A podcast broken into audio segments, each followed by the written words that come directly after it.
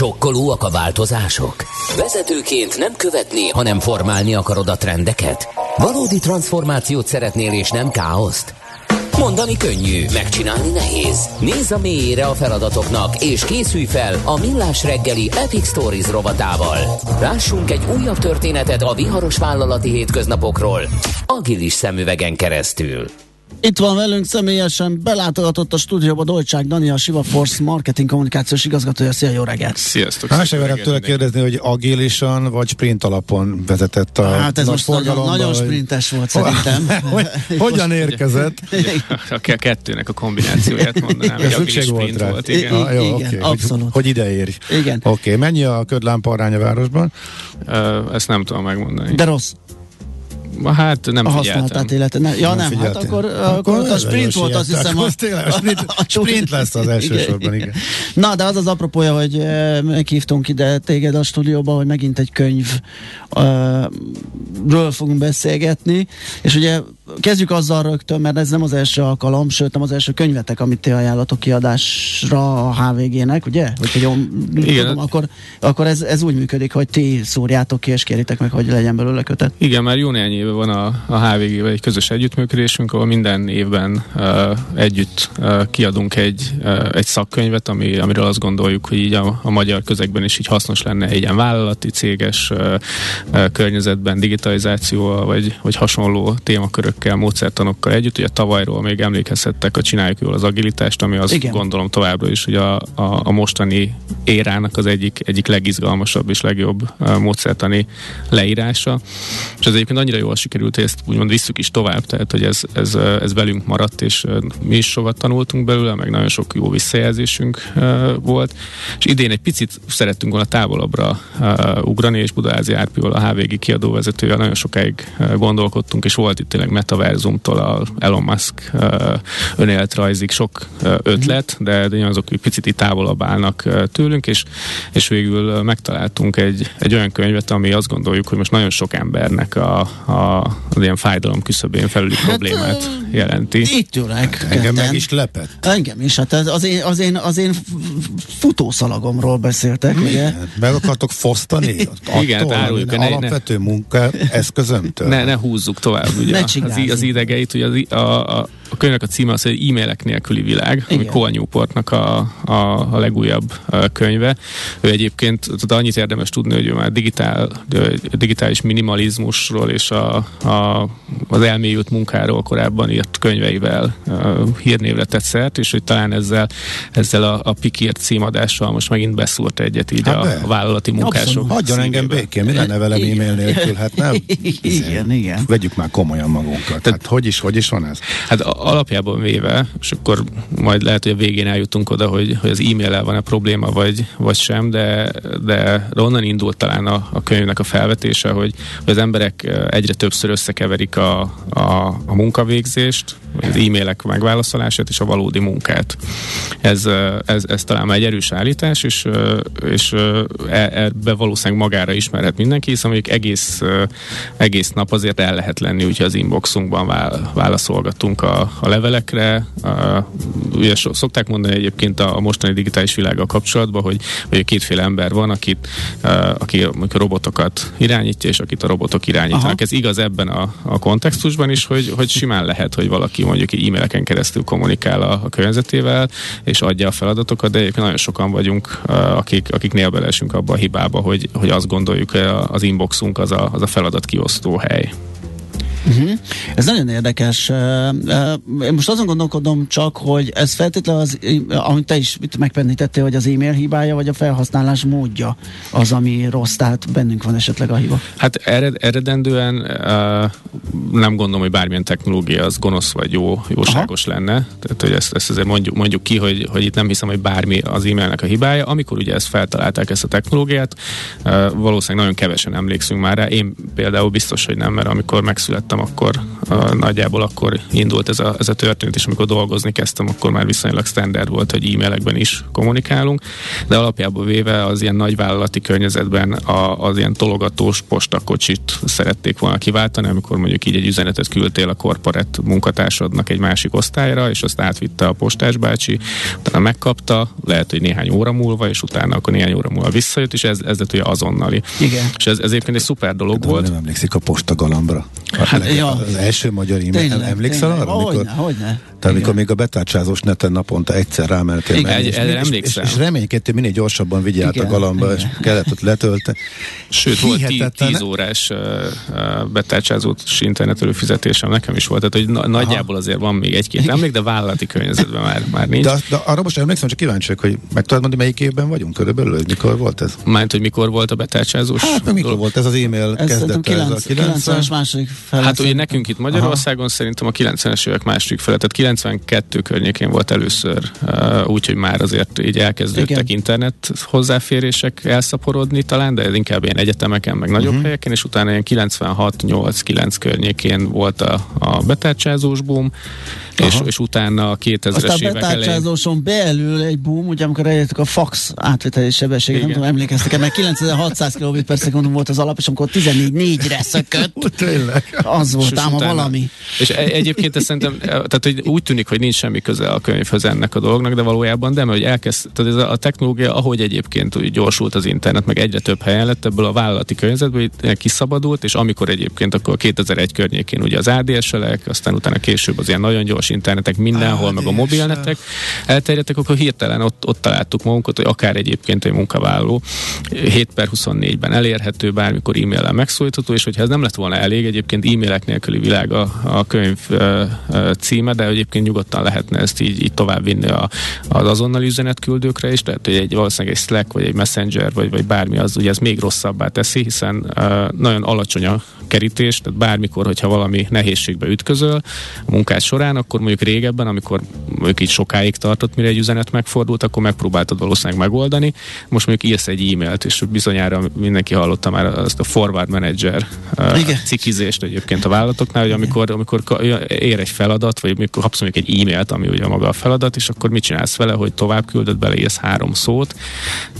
Ez, ez Vagy csak az, hogy ez neked jött, és már pattintottam. igen, ez FYI, ugye, Ja, igen. és uh, for information, nem tudjuk, hogy mit kell vele csinálni, de biztos, hogy nem nekem, aztán, hogyha eljön a határidő, akkor mint ez a, ez a, a forró krumplis játék, hogy akkor, akkor a, kinél áll meg a, a krumplis, akkor annak végül meg kell csinálnia, de hogy ez nem a produktivitás csúcsa, és ugye az egész könyv azért nagyjából ebb, ebből, a, ebből a szemszögből kezd egyébként nagyon jó történeteken keresztül rávezetni minket arra, hogy, hogy tényleg a munka szervezés, illetve a, a munka végzés az valószínűleg nagyon jó, hogyha elkülönít, és szerintem itt az Epic Stories-ban is már többször beszélgettünk igen. az eszközhasználat környékén erről, és, és amikor ugye kiválasztottuk a könyvet, és még, még nem olvastuk a, a teljes ö, ö, szöveget, akkor, akkor azt gondoltuk, ez tényleg egyébként egy ilyen nagyon távoli dolog, és nem lesz ö, szó itt agilitásról, de, de annyit elárulhatok, hogy valahol azért a könyv közepén már, már ez megjelenik, és, és nagyjából ugyanazok a, ugyanazok a, dolgok sokkal általánosabban, vagy univerzálisabban megfogalmazva, mint amiről egyébként itt szoktunk beszélni, azok itt is megjelennek. Öm, akkor, ha jól veszem le, akkor itt alapvetően a belső kommunikációs használatra nem nagyon alkalmas az e-mail, és itt inkább ugye nyilván azért is vagy te itt mert hogyha ezek a kollaborációs alkalmazások azok, amik inkább átvehetik Igen, a igen. szerepét, sőt nem, hogy átvehetik, de ki, kiterjesztett. Hát csavarni kell, tehát az Tehát jól alapvető... értem, hogy a céges kommunikáción belül az e-mail ellen Igen. érvel. Uh, Azért mi- érvel ellene, mert, mert megszakítja a, a fókuszált munkavégzést, ö, és tehát mondjuk egy, egy nagyon érdekes ilyen felvetés is olvashatunk a könyv elején, hogy, hogy ha, ha van egy feladat, amire mondjuk rászánunk egy bizonyos időt, hogy most fél órán keresztül ezt meg fogom csinálni, és addigra megcsinálom, akkor, akkor azt egyébként egy, egyrészt jobban is érzem magam, tehát valószínűleg, hogy ha, ha sok ember azt, azt érzi, hogy egyébként állandóan dolgozik, de mégis boldogtalan a munkahelyén, annak simán lehet, hogy egyébként egyszerűen az az oka, hogy nincs meg az az a sikerélmény, hogy elvégzett egy fix idő alatt egy fix feladatot. Az, ugye az e-mailezés az, az nagyjából annyival forgatja fel ezt az egészet, hogy folyamatosan az inboxodat nézegeted, és ott, ott sáfárkodsz, és ugrasz egyik feladatról a másikra, és egyrészt ennek a váltásnak bocsáss, a költsége az nagy. Igen. Akkor mégiscsak benne van a pakliba, amit itt az előbb feszegettem, hogy az e-maillel van-e baj, vagy a felhasználás módjával. Az utó, utóbbira. Tehát ugye nekem van, igen. igen, egy masszív uh, ilyen időgazdálkodással, tehát én, én például nem ugrálok, én valamit csinálok, engem megmondom őszintén utálnak is néha érte, de fölhívni se lehet. Mert én majd ezt tudom. látom a számot, és majd én föl fogom hívni akkor, amikor én azt beütemeztem. A... Bizonyít tanító, hogy én is alá tudom írni, igen, nagyon nehéz téged elérni, e-mailekre sem mindig szoktál válaszolni. Köszi, de... nem erre akartam kiukadni.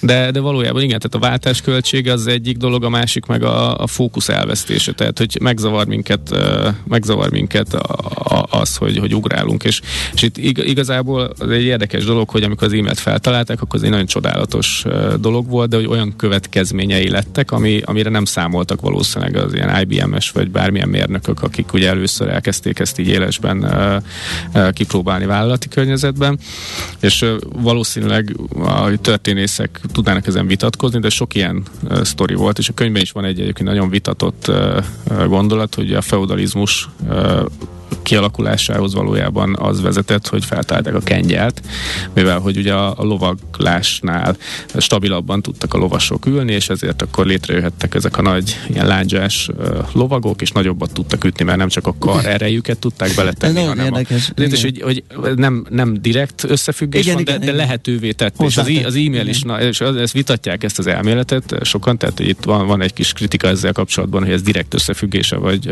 vagy csak valamilyen korreláció de az e-maillel is nagyjából így vagyunk, hogy lett egy csodálatos dolog, de egy számos olyan problémát okozott, amivel nem számoltunk, és valószínűleg nem is számolunk, és nem is kérdőjelezzük meg. Tehát egy ilyen szempontból én azért ajánlom egyébként a Na, könyvet elolvasni, mert... Mi legyen helyette? E, mi legyen helyette, ja. és hol a helye? Mert nyilván ez, ez most nem arról beszélünk, hogy, hogy szüntes meg a, az, az e-mail. Ami nekem alternatív, alternatívaként eszembe jutott, az ugyanezek a problémák fölmerülnek azokkal kapcsolatban is. Igen, ezekről már, már többször beszéltünk, tehát valószínűleg egy, egy, egy jól definiált eszköz, ahol mondjuk az információk rendelkezésre állnak, és most akár egyébként, a, amiről beszéltünk, hogy akár egy Trello, vagy bármilyen olyan feladatkezelő, ahol egyébként nem egy ilyen káoszban próbálunk haladni, hogy valószínűleg, hogyha két ember kommunikál együtt, akkor az még az e-mail tök jó. Hogyha hmm. ha már mondjuk így 30 embernek kell együtt dolgozni, akkor már kevésbé jó, de hogyha még 6000 embernek, akkor meg az teljesen lehetetlen, hogy, hogy mondjuk ilyen e-mail threadekben kommunikáljuk, tehát hogy valószínűleg érdemes olyan rendszereket használni, ami, ami, ami megfelelő az adott feladathoz, de, de egyébként valószínűleg azok a praktikák, amit, amit a Balázs is említett, hogy, hogy, hogy fix, konkrét időt szánsz arra, hogy mikor nézed az e-mailjét, és onnan mondjuk valahogyan kiválogatott, mik a feladataid, és azokat elkezded elvégezni sorba, ez, ez valószínűleg már, már nagyon sokat segít. Na de, de elvárás, hogy órán, hogy órán belül reagálj.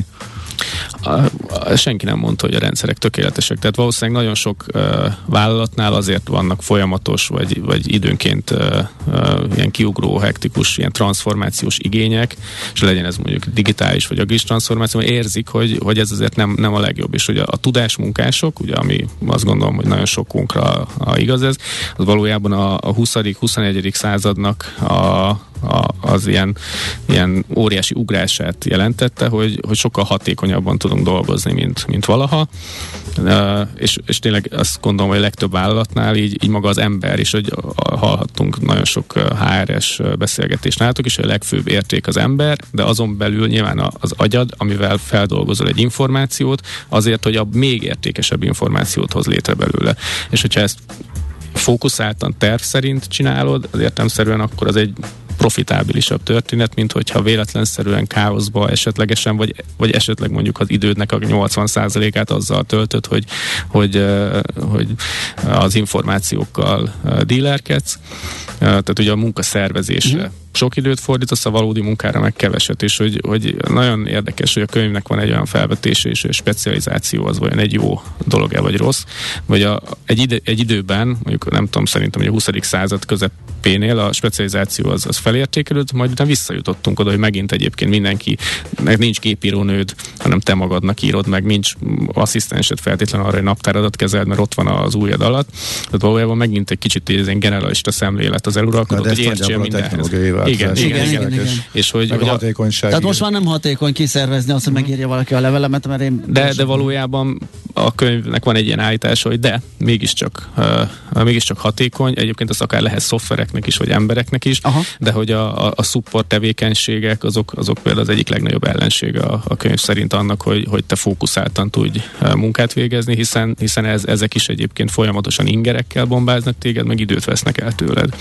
És a valódi effektív értékteremtő munka az, az, az nehogy a végén esetleg elmaradjon.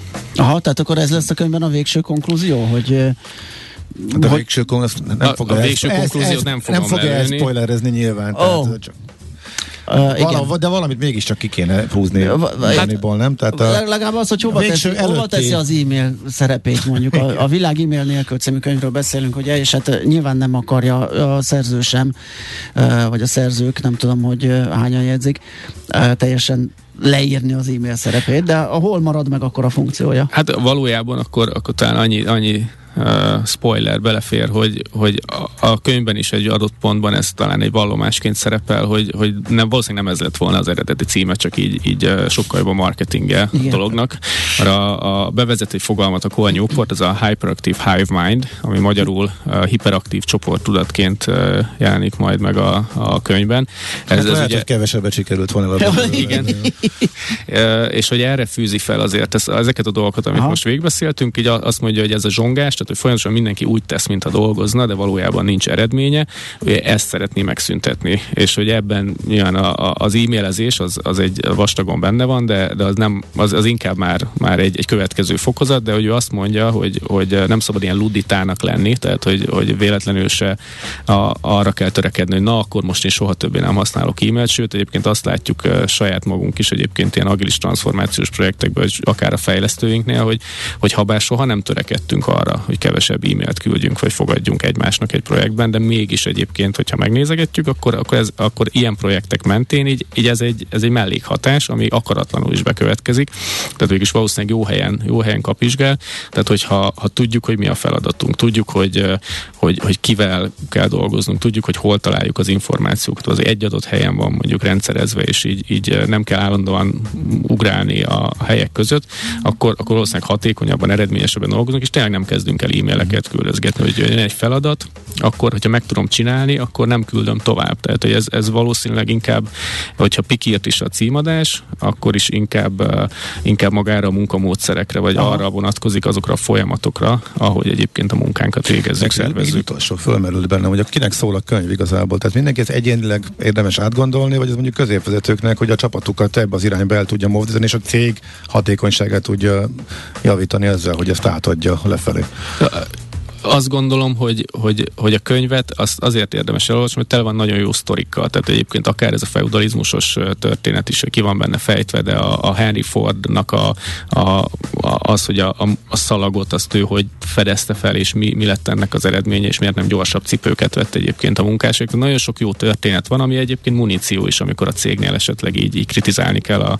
a rendszert. Tehát ilyen szempontból én azt, azt gondolom, hogy bárki, aki, aki vállalati környezetben dolgozik, és van igénye egyébként egyébként arra, hogy ezt, ezt valamivel jobban, eredményesebben tegye, annak, annak ajánlható, illetve nagyon sokszor azt tapasztaljuk, és a tavalyi eh, csináljuk az agítás könyvnél, és több olyan visszajelzés jött, hogy, hogy teljes menedzsmentnek megvásárolták, elolvasták együtt, és annak következtében uh, léptek tovább, és valamit közösen elhatároztak, tehát ilyen szempontból a közös megértés az nagyon fontos, és a könyv az nagyon sok oldalról ezt, ezt uh, megtámogatja. Nem gondolom, hogy ez az egyetlen írás, amit el kell olvasni, de, de hogy talán azt a 5-6-7-8 órát, nem tudom, addig egy ilyen könyvet elolvas az ember, azt érdemes rászánni, nem tudom, akár egy hétvégén, vagy egy, egy, egy ilyen ködös uh, estén, mert, mert nagyon sok inspirációt ad ahhoz, hogy, hogy mind kell változtatni. Mm. Hát köszönjük szépen. Én szerintem ez egy, ez egy nagyon hasznos uh, darab lesz sok mindenkinek, úgyhogy ajánljuk el olvasásra, és hát nektek meg legalább akkor a sikert a könyvhöz, uh, mint a csináljuk jól az agilitást. Volt. Uh, kapható, ugye? Már úgy beszélünk róla. Igen, annyira, hogy az, az, az első, első nyomás abból el is fogyott, és nagy örömünkre hogy a HVG egy, egy következő adagot újra nyomott, úgyhogy ez, ez továbbra is Már le is késtem a jó kívánságokkal, hát akkor ez fogy ez, mint a nem is tudom.